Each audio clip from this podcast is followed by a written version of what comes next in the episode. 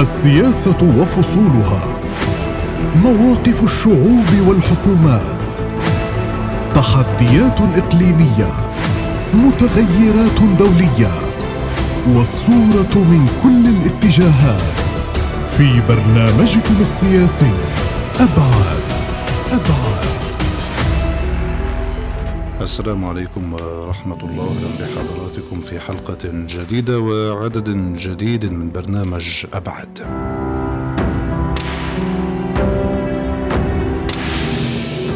هذا البرنامج السياسي مستمعينا الكرام والذي نكون فيه مع حضراتكم في كل يوم اثنين عند دقات الساعة الثانية بتوقيت فلسطين لنناقش من خلاله أبرز الأخبار والأحداث السياسية على الساحة الفلسطينية وما يرتبط بها من الشأن الإسرائيلي, ومن قضايا العالم. نقرأ في الأبعاد والسيناريوهات المختلفة. ونحاول أن نستشرف المآلات.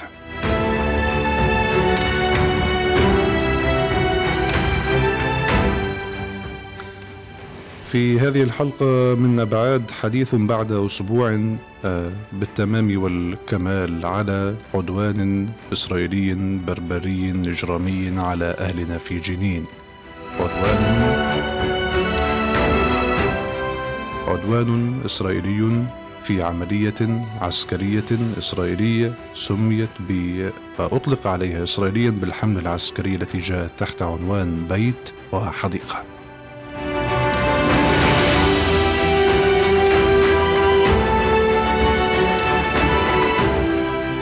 فالاحتلال قرر أن يقتحم جنين بأرتال عسكرية وبقوة قوامها أكثر من ألف جندي من وحدات خاصة ومن أقوى الوحدات العسكرية الإسرائيلية من مختلف الوحدات من الكوماندوز وجفعاتي وحتى من وحدات الكلاب المدربة لاقتفاء الأثر.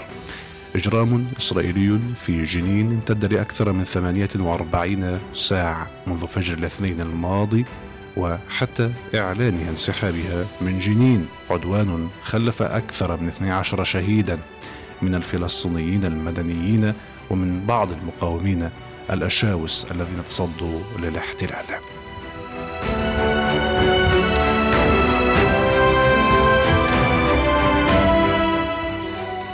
وأمام هذا العدوان الإسرائيلي تتواصل ردود الفعل الفلسطينية الميدانية المقاومة أمام هذه الجرائم الإسرائيلية المتواصلة وكذا حتى جرائم الاحتلال لم تتوقف. في كل يوم جديد نسمع عن عملية إطلاق نار على فلسطينية كما حدث بالأمس ستينية في القدس بزعم تنفيذها عملية طعن يتم إطلاق النار عليها وإصابتها. وشهيد قبل ساعات قليلة من انطلاق هذا البرنامج.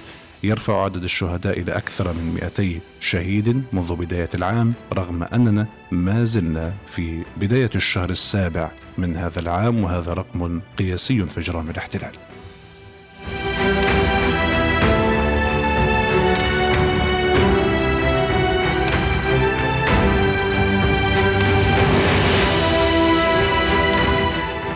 إذا نحاول أن نقرأ في عدوان جنين أهدافه هل تحققت؟ لم تتحقق. وماذا بعد؟ خاصة في ظل استمرار عدوان الاحتلال وما المطلوب فلسطينيا اليوم؟ أمام هذا العدوان وما السيناريوهات القادمة خاصة مع دعوة لانعقاد اجتماع الأمناء العامون للفصائل الفلسطينية نهاية الشهر الجاري وبالتحديد في الثلاثين من هذا الشهر في العاصمة المصرية القاهرة. نحاول أن نقرأ كل ذلك تحت عنوان بعد عدوان الاحتلال الدموي على جنين الجرائم الإسرائيلية تتواصل وردود الفعل الفلسطينية تتصاعد وسط تساؤلات عن السيناريوهات القادمة. معي ضيوف كارم في هذه الحلقة ابتداء من السيد جمال زقوت الكاتب والمحلل السياسي ومدير مركز الأرض للدراسات ينضم إلي مشكورا من رام الله. سيد جمال مساء الخير. أهلا بك معنا في برنامج أبعاد عبر راديو الشباب. مساء النور. أهلا بك وبالمستمعين. أهلا بحضرتك سيد جمال. اذا نتحدث اليوم بعد مرور عدواء أسبوع على عدوان الاحتلال في جنين. هذا الحدث المفصلي على الأقل خلال السنوات الأخيرة في الضفة الفلسطينية وهذا العدوان الذي يوصف بأنه الأضخم منذ عام 2002 وعمليه السور الواقعه آنذاك. هل يمكن القول كيف تبعت ذلك؟ وهل يمكن القول أن الاحتلال حقق أهدافه من حملته العسكرية التي سماها بيت وحديقة في جنين ابتداء؟ يعني آه، بداية آه، دعني أقول بأن هذا العدوان لن يتوقف إطلاقا منذ أن انهارت ما يسمى بمفاوضات التسوية في كامب ديفيد وحتى الآن. الانتفاضة الثانية أو ما عرف بالانتفاضة الثانية هي كانت عبارة عن عدوان إسرائيلي منظم ضد الشعب الفلسطيني وضد السلطة آه، الفلسطينية في ذلك الوقت. هذا العدوان لم يتوقف ولكنه في السنوات الأخيرة انتقل من حيث الأهداف السياسية لدرجة أنني يعني لا أجازف إن قلت بأن ما يجري هو حرب أو هي حرب الضم الإسرائيلية للضفة الغربية.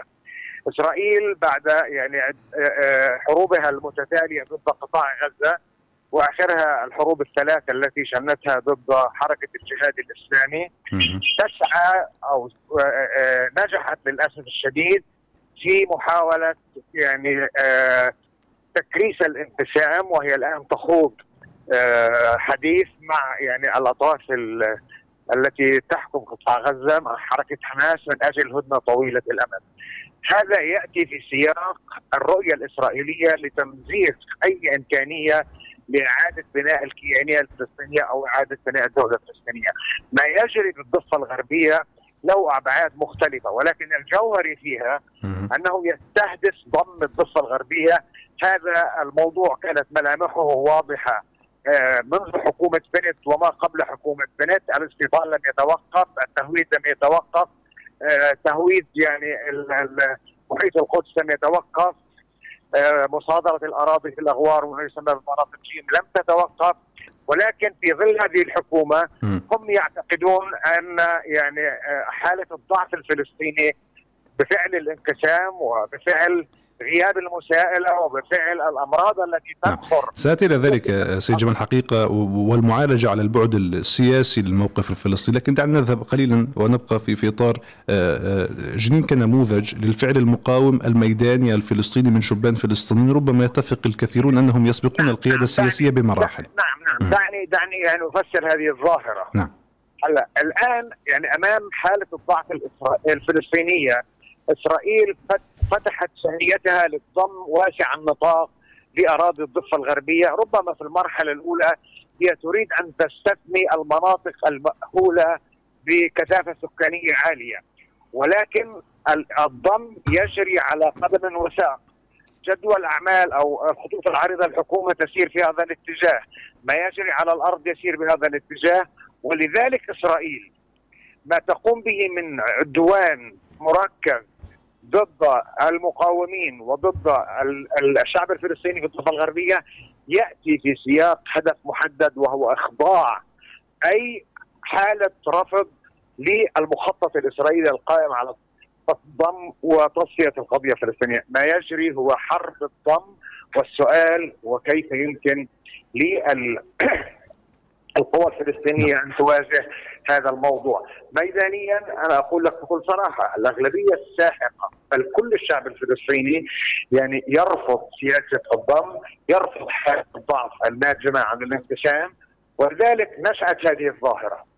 هذه الظاهرة هي نتاج ضعف الحركة الوطنية الفلسطينية هي نتاج ضعف يعني الفصائل والقوى الوطنية التي كان من المفترض أن تتصدى بشكل موحد يعني هذه السياسة الإسرائيلية، إسرائيل لا تحاول أن تضلل العالم بانها تحارب الإرهاب بين قوسين هي في الواقع تقوم بإخضاع الشعب الفلسطيني أو تحاول إخضاع الشعب الفلسطيني من أجل تمرير مخططها لضم الضفة الغربية، هذه ما تقوم به الحكومة الإسرائيلية، نعم. هي تقدم ذلك آه، آه، في صيغة أنه أحيانا محاربة ما تسميه الإرهاب والذهاب المنفلته وكما قالت الحملة العسكرية أنها تحاول ان ان, أن تهدم البيت نعم. الذي يشكل بيتا جامعا نعم. للمقاومين آه. ومنفذي العمليات في الضفة الفلسطينية. وأحيانا أخرى وأحيانا أخرى يعني تقدمه للإدارة الأمريكية على أنه يعني من أجل تمكين وإنقاذ السلطة من حالة الانهيار التي تعيشها كل ذلك يعني قد يكون آه، آه، مبررات ولكنها يعني مبررات كاذبة الهدف الأساسي والمركزي لإسرائيل هو ضم الضفة الغربية وإن كان على مراحل. تبدأ بمناطق جيم والمناطق المحيطة بالمدن ولكنها لم تتوقف عند ذلك. هل سيقبل الشعب الفلسطيني هذا الأمر؟ هل يقتصر رفض هذه الخطة؟ وهذا السؤال مهم. هل هل هل سيكون ذلك سهلا سيد جمال أمام آه، عملية عسكرية في جنين؟ انتهت تقريبا بعد 48 ساعة وكان الحديث يشير أنها عملية قد تمتد إلى إلى أيام. هل برأيكم الاحتلال اخطا الحسابات في في جنين؟ هل كان يتوقع هذا الحجم من المقاومة من المقاومين الفلسطينيين؟ آه، أم أنه تفاجأ حقيقة فيما حدث في جنين برأيكم؟ أنا يعني لست خبيرا عسكريا حتى أقدم لك لماذا تقدموا. برؤيه قد تطول أيام أو لماذا تراجعوا ولكنني أدرك بأن ما تقوم به إسرائيل من عدوان عسكري له هدف سياسي محدد وهو إخضاع وإرهاب الحالة الفلسطينية بما يذكرنا بمجازر ما قبل النكبه 48 من أجل إخضاع. المشهد عندما خرج العديد المئات ربما من أبناء المخيم يعني لمن يقرأ التاريخ يعني يعود بالذاكرة إلى يعني مشاهد نسوح الفلسطينيين. هذه صورة مصغرة لما تخطط له إسرائيل. م. الآن الفلسطينيين يقاوموا ببسالة نعم. المقاومين يقاوموا ببسالة نعم. هل عملية الرفض لمخططات إسرائيل تقتصر فقط على مخيم جنين والمقاومين؟ بالتأكيد لا، الشعب الفلسطيني يشهد حالة إجماع ضد ذلك، السؤال هل القوى الفلسطينية التي تسيطر على المشهد الانقسامي مستعدة لأن تضع خلفها كل ما انقسمت من أجله وهي حسابات فئوية ضيقة من كل الأطراف لصالح توحيد الجبهة الفلسطينية وال يعني الالتحام مع نبض الشارع الفلسطيني، الالتحام مع يعني إرادة وصلابه هؤلاء المقاومين، الالتحام مع الخطر الدائم في مواجهة الخطر الدائم الذي يهدد القضية الفلسطينية، هذا السؤال بصراحة يعني هو يعني آآ آآ الذي يطرق أبواب وحواس أو يجب أن يطرق أبواب وحواس كل المسؤولين هناك خطوة كانت في هذا الاتجاه دعنا ننتقل لهذه النقطة. الآن الحديث عن اجتماع للأمناء العامون للفصائل الفلسطينية نهاية الشهر الجاري مقرر عقده في العاصمة المصرية القاهرة وبالفعل القاهرة قدمت دعوات للفصائل الفلسطينية بالأمس.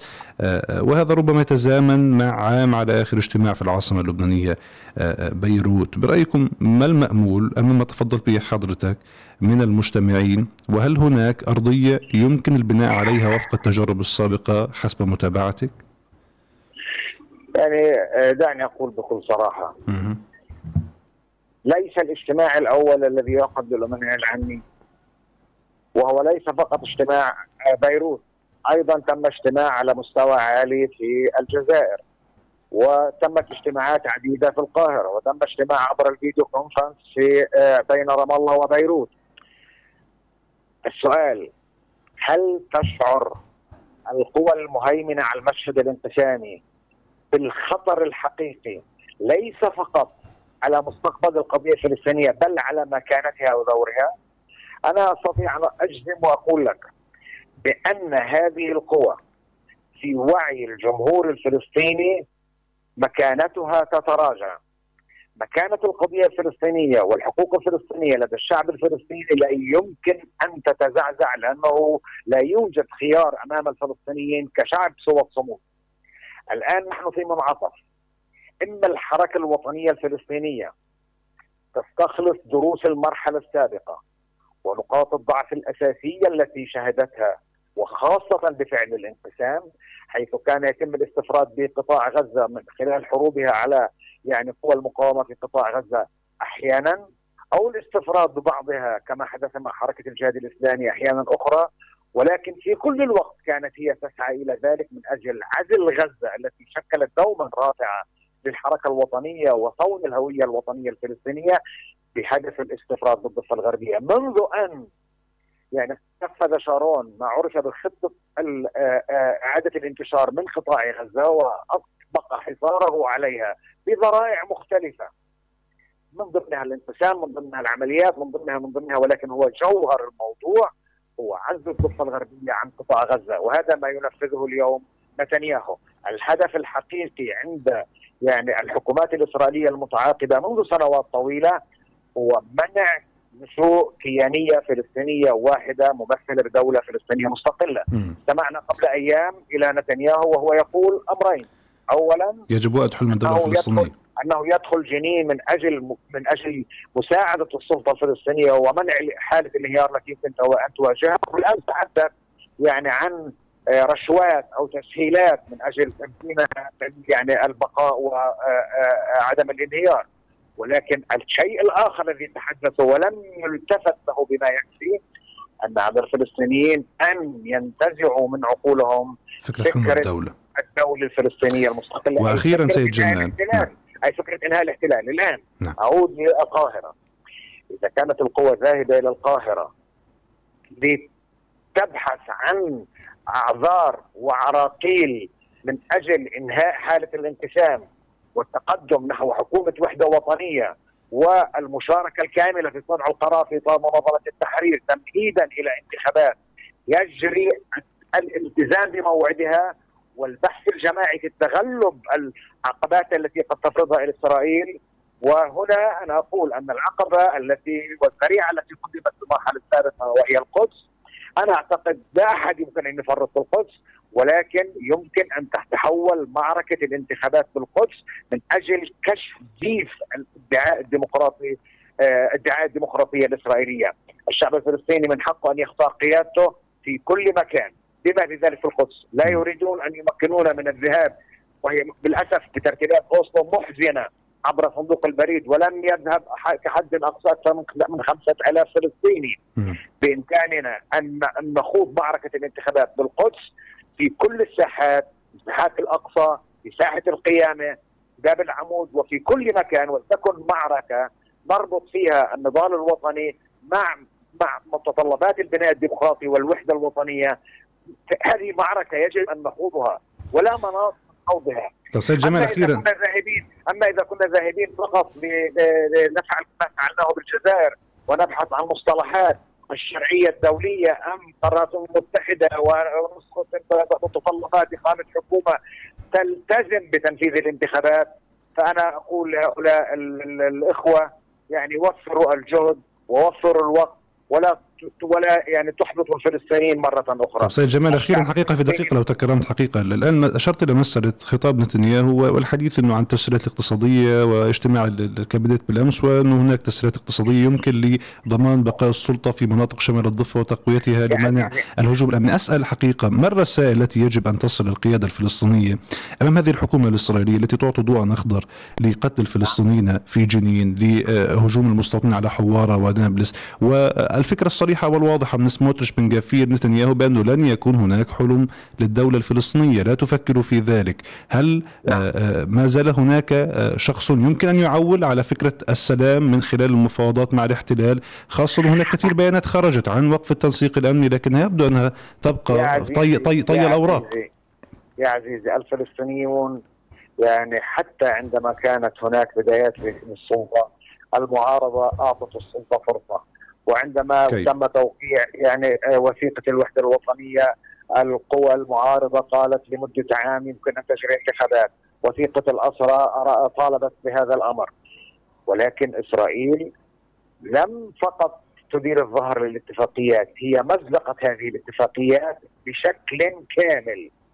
وبالتالي أي رهان على إمكانية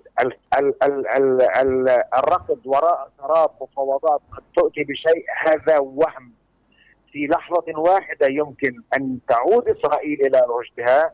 إذا أعيد بناء عناصر القوة الفلسطينية، إذا أعيد بناء عناصر الصمود للشعب الفلسطيني، إذا أعيد مراجعة السياسة الفلسطينية التي أدت إلى حالة الوهن والضعف التي نعيشها، إذا تخلت السلطة عن يعني مفهومها للحكم والإدارة والسلطة بأنها يعني يمكن أن تفعل ما تشاء ودون مساءله أو محاسبة، وإذا أيضا تخلت حركة حماس عما تقوم به من مفاوضات لن تؤدي إلى إلا إلى فصل قطاع غزة عن الضفة الغربية وفي خدمة المشروع الإسرائيلي لمنع قيام أي كيانية فلسطينية شكرا. موحدة في إطار دولة فلسطينية، إذا توفرت هذه النوايا الشعب الفلسطيني سيغفر لهؤلاء ولكن إذا استمروا بذلك أنا أقول لك بكل صراحة أن ما يجري وما جرى في جنين وفي نابلس وفي رام الله وفي أريحة وفي كل مناطق الفلسطينية الضفة الغربية هي عبارة عن خميرة تختمر وتكتمر يوما وتراكم يوما بعد يوم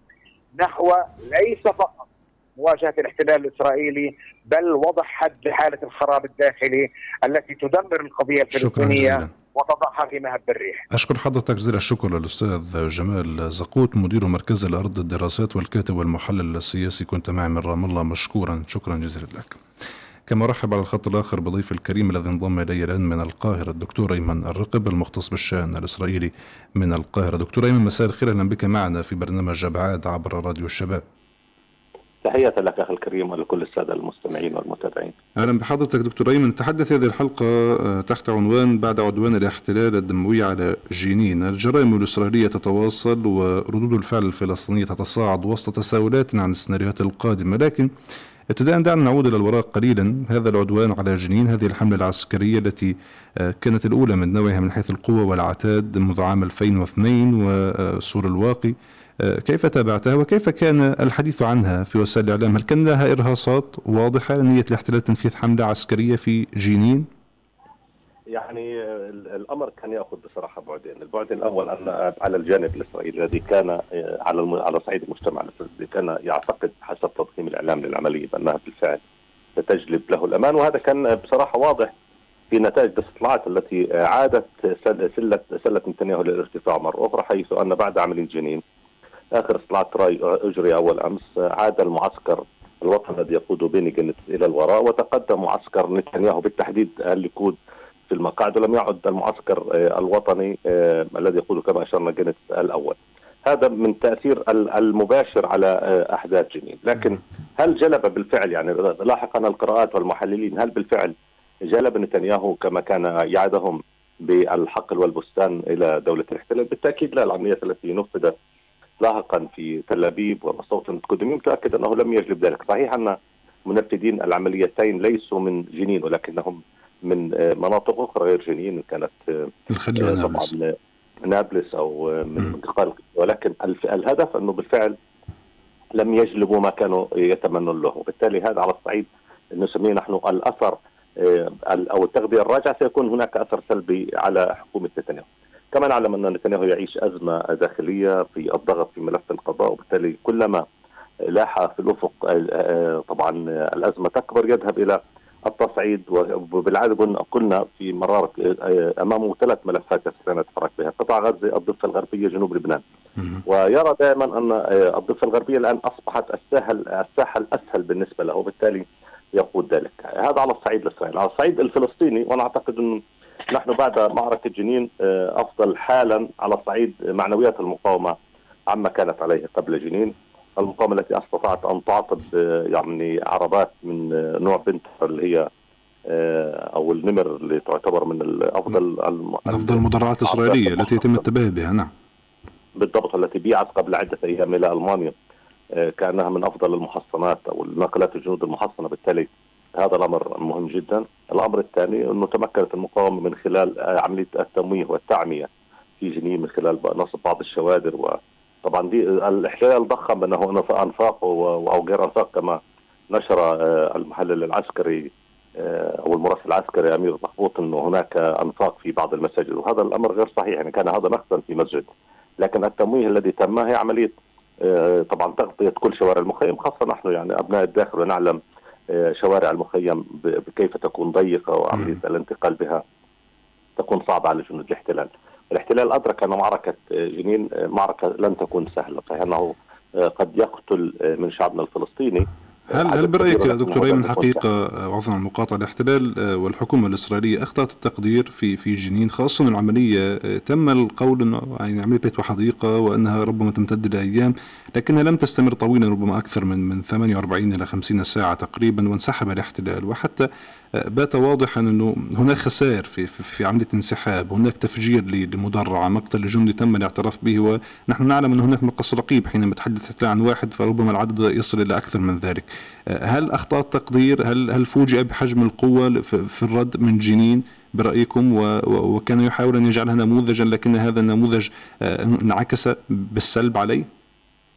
بالتأكيد هذا ما تحدث عنه في التغذية الراجعة عندما آه، يكون هناك تقييم لاحقا لما حدث في جنين وردات الفعل الاسرائيليه ستكون مغايرة لنتائج الاستطلاع التي آه، طبعا أعادت التفوق لحكومة الائتلاف الحكومة بعد بعد معركة جنين، لا الاحتلال تفاجأ لأنه واضح أنه كان لديه طبعا آه، ليست سوء تقدير في هذا الأمر وبالعادة الاحتلال يشكل لجان مباشرة وشكل لجنة مباشرة بعد أحداث جنين لتقييم ما حدث.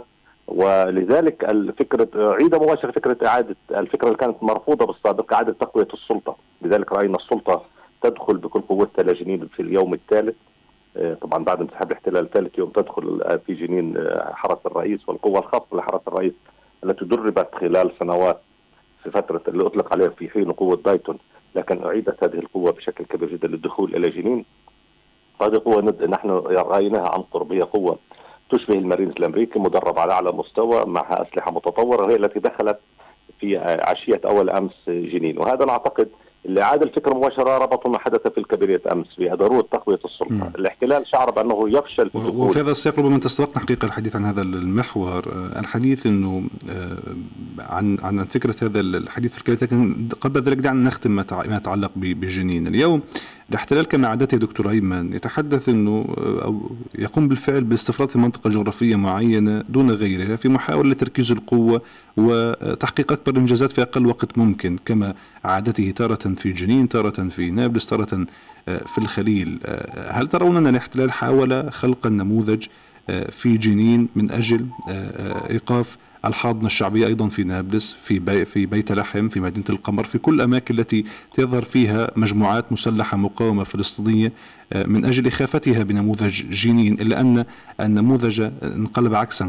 كما, قلنا. آه، هل هذا حقيقي وفاعل على الأرض خاصة بأنه حتى الضربة الأخيرة كانت آه، للجانب الفلسطيني حينما أعلن عن مقتل جندي إسرائيلي أثناء عملية الانسحاب بالتأكيد أخي الكريم يعني أنت أثبت في هذا في هذه الرؤية كان هناك سوء تقدير واضح من قبل الاحتلال وفشل في ذلك وأراد أن يختار المنطقة الأكثر آه، تحريضا عليها في الإعلام خاصة جنين لماذا جنين؟ جنين على تخوم آه، مدن الضفة عفوا الخط الأخضر وهناك طبعا عملية تهريب أسلحة تتم بشكل متواصل وجنين محطة لنقل الأسلحة التي تسرق من المخازن الإسرائيلية إلى الضفة الغربية وبالتالي جنين كانت بالنسبة لهم آه، حسب التضخيم الإعلامي هي المنطقة الأكثر تاثيرا خاصة أيضا خلال نتحدث السنوات الأخيرة آه، أبطال خرجوا من جنين أوجعوا الاحتلال وهم كثر في هذا الأمر رحمهم الله آه، بالتالي كان الأمر مهم جدا بين الظهور الإعلامي الكبير وبين خروج أبطال من جنين.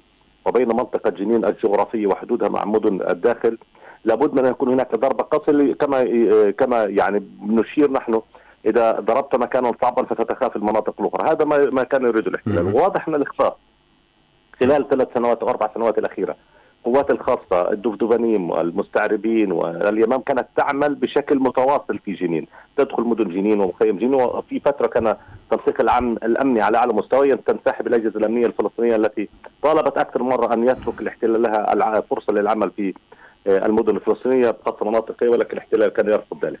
لذلك كان كانت كل قوات الخاصة التي دخلت مناطق جنين بالتحديد. كانت في النهاية لديها إخفاقات رغم انها كانت تنفذ عمليات اغتيال يعني خلال الفترة الماضية كانت عمليات اغتيال نوعية تنفذ بشكل متواصل في جنين. في المعركة التي آه، استمرت على مدار ست ثلاث أيام أو 36 ساعة وأقل قليلا لم يستطع الاحتلال الوصول إلى القائمة من اللي كان يتحدث عن أكثر من 30 مطلوب. لم يصل إلى واحد منهم ليعتقل ولم يغتال واحد. وبالتالي هذا يعني فشل, فشل. كامل للاحتلال وبالتالي هو لم يستطع ذلك غير الخسائر التي آه، خسرها. أنت تتحدث عن مقص الرقيب أو الرقابة بشكل عام داخل دولة الاحتلال ويمكن ثاني يوم تحدثوا عن حادث سير قتل به جندي. وبالتالي ندرك أن هم لا يريدوا أن يرفعوا معنويات شعبنا الفلسطيني من خلال الإعلان وهذا ما يحدث عادة يعني. قتلى نعم. بالضبط كما يحدث عادة ثم يعلن عنه عن مقتل في تدريبات تدريبات أو انزلاق في, في البحر أو أو ما إلى ذلك، لكن اسال في آخر نقطة في هذا في هذا الأمر الحديث عن التضخيم الإعلامي حول ما يجري في جنين آه، حسب متابعة حضرتك قبل أن نذهب إلى الشأن الفلسطيني بشكل أكبر.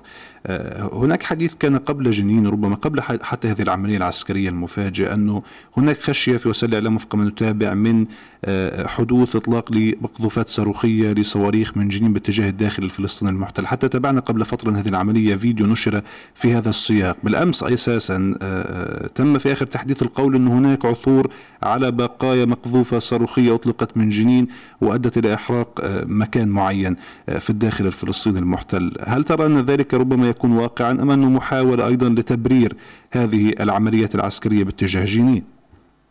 يعني أنا أعتقد إنه فكرة استخدام الصواريخ غير واردة في الضفه الغربية والفيلم الذي نشر هو نشر نشره الإعلام العبري بعض طبعا الأصدقاء تناقشت معهم في الأمر انه رئيس نائب رئيس المكتب السياسي لحركة حماس صالح العروري طبعا تبنى الفكرة وأنا أعتقد إنه إن كان ولا بد من أن نجهز صاروخ لضرب لاستخدامه من جنين أو من الضفه الغربيه فبالإمكان انه بعد هالخبره الطويلة في صناعه الصواريخ ان يصنع صاروخ أقل تقدير يصل مدى إلى 20 كيلو، 20 كيلو يعني نستطيع من جنين أن نضرب مطار بن غريون ليس كقطاع غزة هذه الضفة الغربية في طبيعتها الجغرافيه الجبلية تسأل من السهل استخدام التقنية وبالتالي أنا آميل وهذا ما تحدث عنه في أكثر من وسيلة إعلام.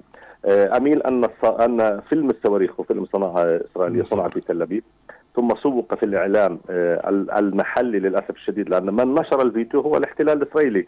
وتابع كل يعني أنا حاولت أتابع مصادر الفيديو فقط مصادر إسرائيلية هي مصادر خلف الفيديو.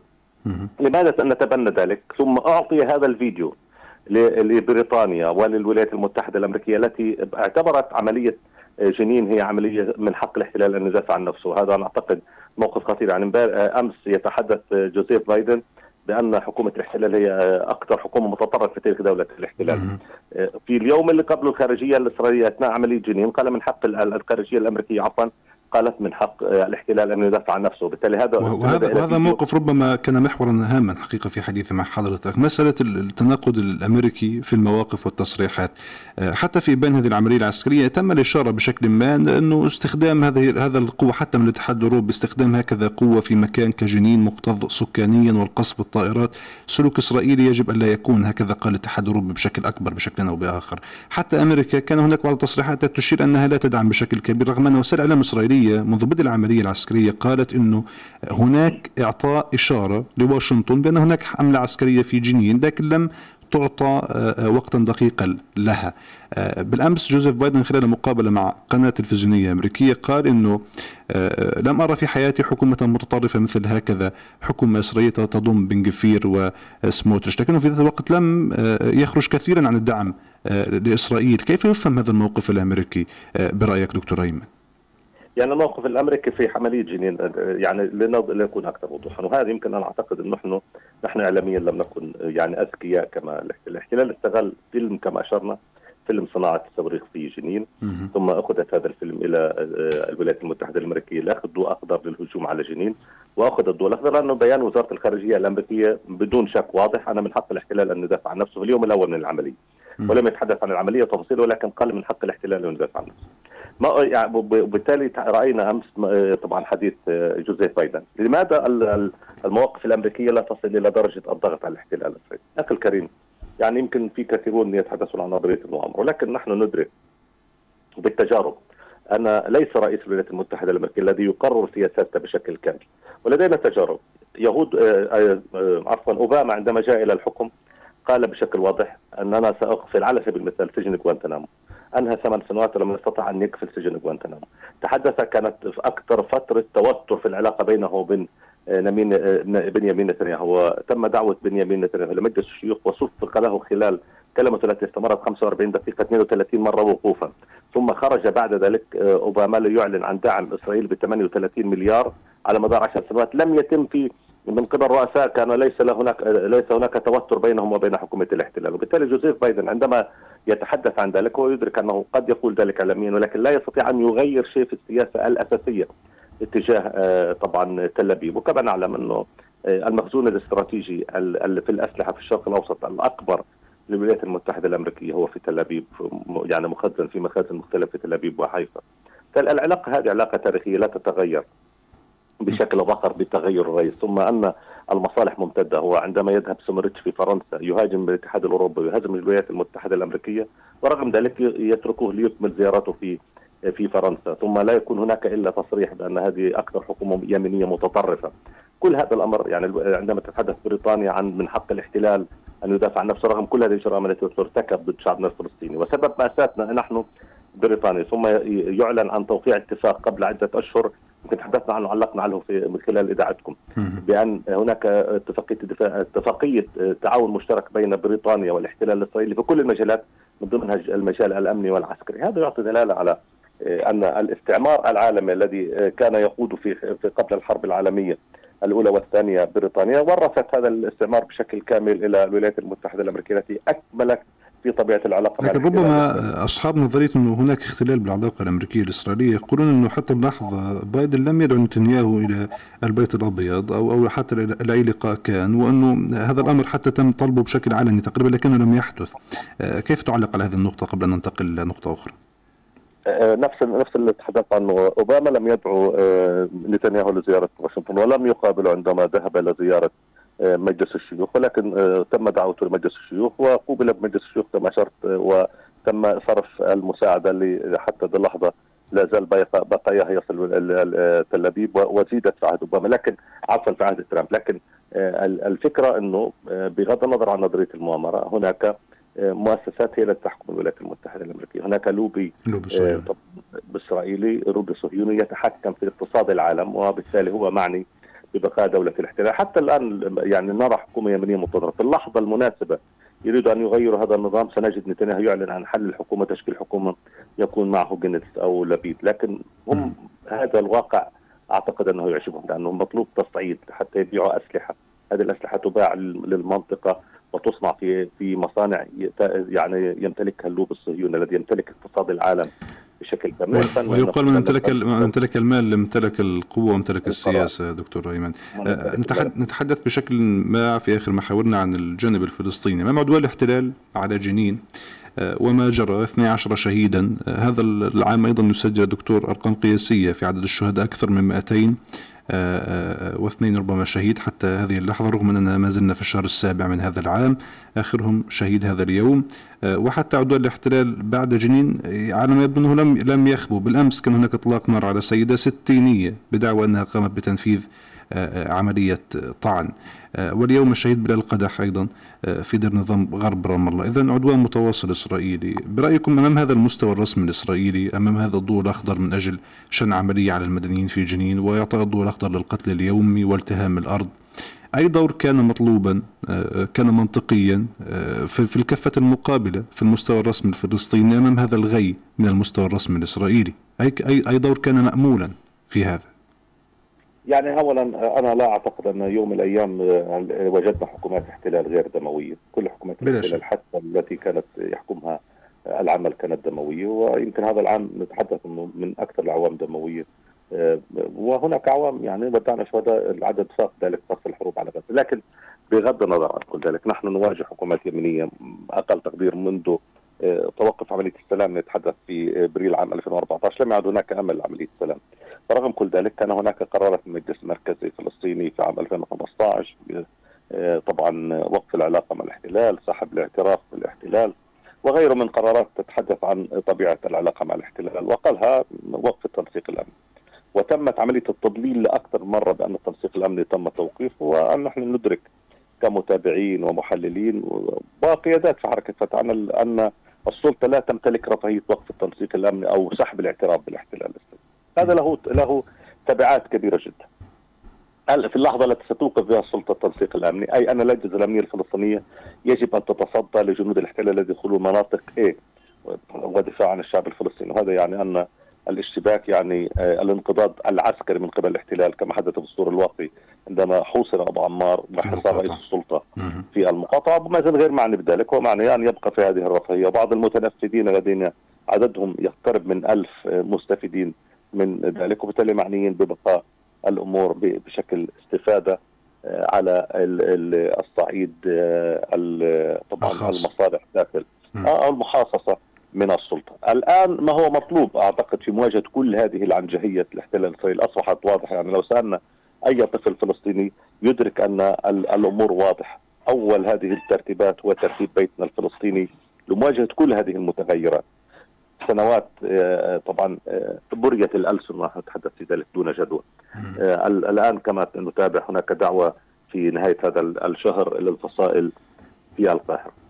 وربما في هذا السياق آه، الحديث حتى ربما حضرتك خاصة من باب المتابعة في الشارع الإسرائيلي يعني حتى نموذج إسرائيلي الذي آه، نعيش بحكم الاحتلال معه بشكل آه، مرتبط محتدم متشابك حتى في في بين العملية العسكرية في جنين تجد أن أول الداعمين زعيم المعارضة إير لابيد يقول نعم نحن مع هذه الحملة وإن كان بعد ذلك حينما تخرج النتائج يكون هناك هجوم لكن هناك دائما حتى إسرائيليا رؤية أنه إذا كان هناك عدو مشترك خارجي فإن كل الخلافات تغلق ملفاتها ونتحد معارضة وحكومة في مواجهة الخطر الخارج وفي ضوء ذلك أسأل آه، اجتماع الأمناء العامون بدأت الدعوات تصل للفصائل الفلسطينية بالأمس حماس الجهاد الإسلامي آه، المبادرة الوطنية الفلسطينية كثير من الفصائل الجبهة الشعبية الديمقراطية قالت أنها وصلت لها دعوة رسمية للمشاركة في آه، اجتماع الأمناء العامون للفصائل الفلسطينية في الثلاثين من هذا الشهر. في القاهرة التي دائما ما تستضيف وتحاول أن تكون جزءا من من يعني تضمين الجراحة على الأقل الفلسطينية. برأيكم في ضوء أيضا اقتراب الذكرى السنوية لاجتماع الأمناء العامون في لبنان في بيروت في شهر سبتمبر ما المطلوب؟ هل حققت النتائج السابقة قبل أن, أن نجتمع مجددا؟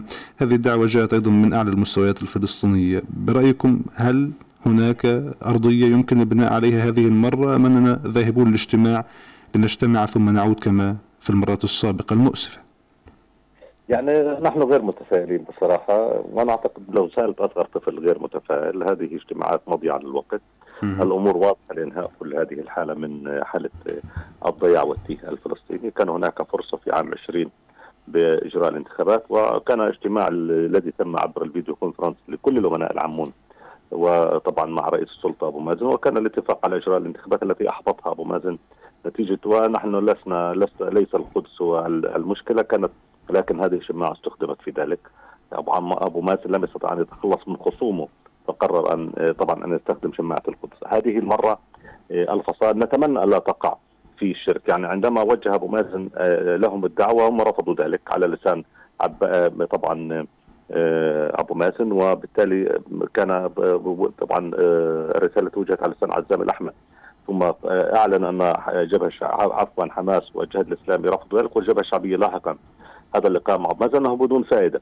هذه المرة الدعوة كانت من مصر ومصر لها دلال لدى الجميع وبالتالي قبلوا الدعوة من مصر. لكن دون أن توضع طبعا خارطة الطريق لهذا اللقاء أو حتى خطة لهذا اللقاء وهذا اللقاء لم لم يفضي إلى تشكيل حكومة وحدة وطنية. تشرف على الانتخابات ولجنة لاداره الاشراف على الانتخابات في منظمة التحرير الفلسطينية. نحن بحاجة إلى تجديد الشرعيات فانا اعتقد مضيعة للوقت. وصلنا إلى نقط هامة في عام 2017 من خلال تشكيل حكومة وحدة وطنية تبدأ بالفعل في إنهاء أثار الانقسام. وبعد أقل من عام من العمل أقل من عام. انتهى كل ذلك وانتهت كل هذه الإجراءات وزادت المسافة أخيرا برأيكم دكتور أيمن أخيرا ما المعطل الحقيقي لهذه العجلة التي كلما حاولت أن تدور في في رحل انقسام يتم إيقافها؟ وفي نهاية المطاف تخرج الأطراف تقول إنه الطرف الآخر هو المعطل نحن جاهزون لتقديم تضحيات لتقديم تنازلات. برأيكم ما المعطل الحقيقي والموضوعي لكل هذه السنوات من التيه رغم أن العوامل المشتركة للوحدة موجودة العدو الواحد موجود والإجرام يتواصل أكثر من 200 شهيد إلا أن آه، حينما نجتمع نختلف أو نتفق ثم لا ننفذ. ما العائق الحقيقي بصفتك كمتابع للشأن الفلسطيني؟ المع... العائق الحقيقي بصراحة آه، إقليمية يعني هناك جهات إقليمية وأنا أعتقد أن ال... ال... ال... يعني المعيق الحقيقي لكل هذا الأمر هو رئيس السلطة أبو مازن أنه عندما يتخذ قرار ثم لا يضع رؤية لانهاء هذا الإجراء فانا اعتقد هو السبب لأنه بامكاننا نحن أن نحتكم للديمقراطية لتجديد شرعياتنا إن كانت رئيس برلمان مجلس وطني يفضي إلى تشكيل مجلس مركزي ولجنة تنفيذية آه، موضوع القدس بامكاننا نضع له رؤية والأمناء العامون ضللوا في 2019 2020 عندما وافقوا على آه، أن يكون أن تترك آه، موضوع القدس ليقرر مصير كيف تجرى الانتخابات به الاحتلال الإسرائيلي. دون أن توضع آلية آه، طبعا لتجاوز آه، قرارات الاحتلال بالإمكان أن ننهي ذلك. آه، القدس من يشارك في صناديق الاقتراع من مدينة القدس لا يتجاوز 3000 وبالتالي في صناديق البريد وبالتالي بالإمكان العدد الناخبين في القدس الذي يصل عددهم إلى قرابة طبعا 100000 أن يشاركوا عبر طبعا آليات أخرى وبالإمكان لا أريد أن أتحدث عنهم ولكن بإمكانهم أن يضعوا آليات لإجراء الانتخابات في القدس بأي طريقة كانت حتى لو كان يوما آه، اشتباك مع الاحتلال وتعتمد بدون أن تعتمد النتائج تعطى حصة للقدس، لكن هذا الأمر يناقشه الأمناء نحن لسنا قرار فيه، لكن ما أنا أعتقد أن من أعاق ولا زال يعد هذا الأمر هو رئيس السلطة. مازن لأنه هو الوحيد صاحب القرار حتى الآن في آه، إنهاء كل هذه الإشكالية القانونية. خاصة حماس وافقت على كل ما طلبه أبو مازن لإجراء الانتخابات. شكرا جزيلا لك لكل هذه المعلومات والتحليل. الدكتور أيمن الرقب المختص بالشأن الإسرائيلي من القاهرة. شكرا جزيلا لوجودك معنا دكتور أيمن في هذه الحلقة من برنامج أبعاد. إذا مستمعينا الكرام بهذا القدر من النقاش والتحليل نصل لختام أبعاد. وكما يقول ضيوف الكرام فإن المشهد الفلسطيني يحتاج إلى وحدة ميدانية كما كل المرات وإن كان يبدو في هذه المرة أن الوحدة باتت مطلبا أكثر إلحاحا من ذي قبل خاصة مع الأرقام التي أشرنا إليها في الاستيطان وفي إقرار وحدات استيطانية جديدة فيما تفضل به ضيف جمال زقوت أن كل الهدف الإسرائيلي هو ضم الضفة الغربية ما تفضل به الدكتور أيمن الرقب بأنه لا جديد يذكر في الدعوات التي تحدث لاجتماعات الأمناء العامون طالما أن هناك قرارات غير لم يتم تنفيذها كانت سابقا.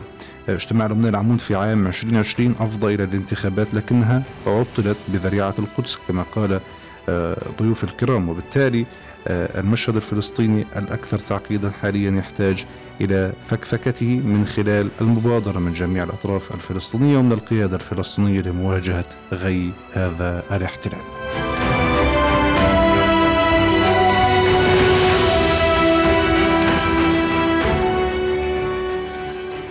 ضيوف الكرام سيد جمال زقوت الكاتب والمحلل السياسي ومدير مركز الأرض للدراسات من رام الله شكرا جزيلا له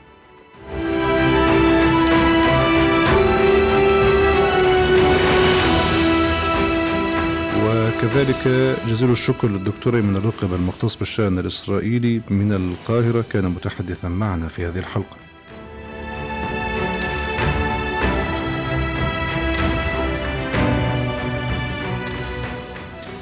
وبهذا نصل لختام هذه الحلقة التي جاءت بعنوان بعد عدوان الاحتلال الدموي على جنين. الجرائم الإسرائيلية تتواصل. وردود الفعل الفلسطينية تتصاعد وسط تساؤلات عن السيناريوهات القادمة.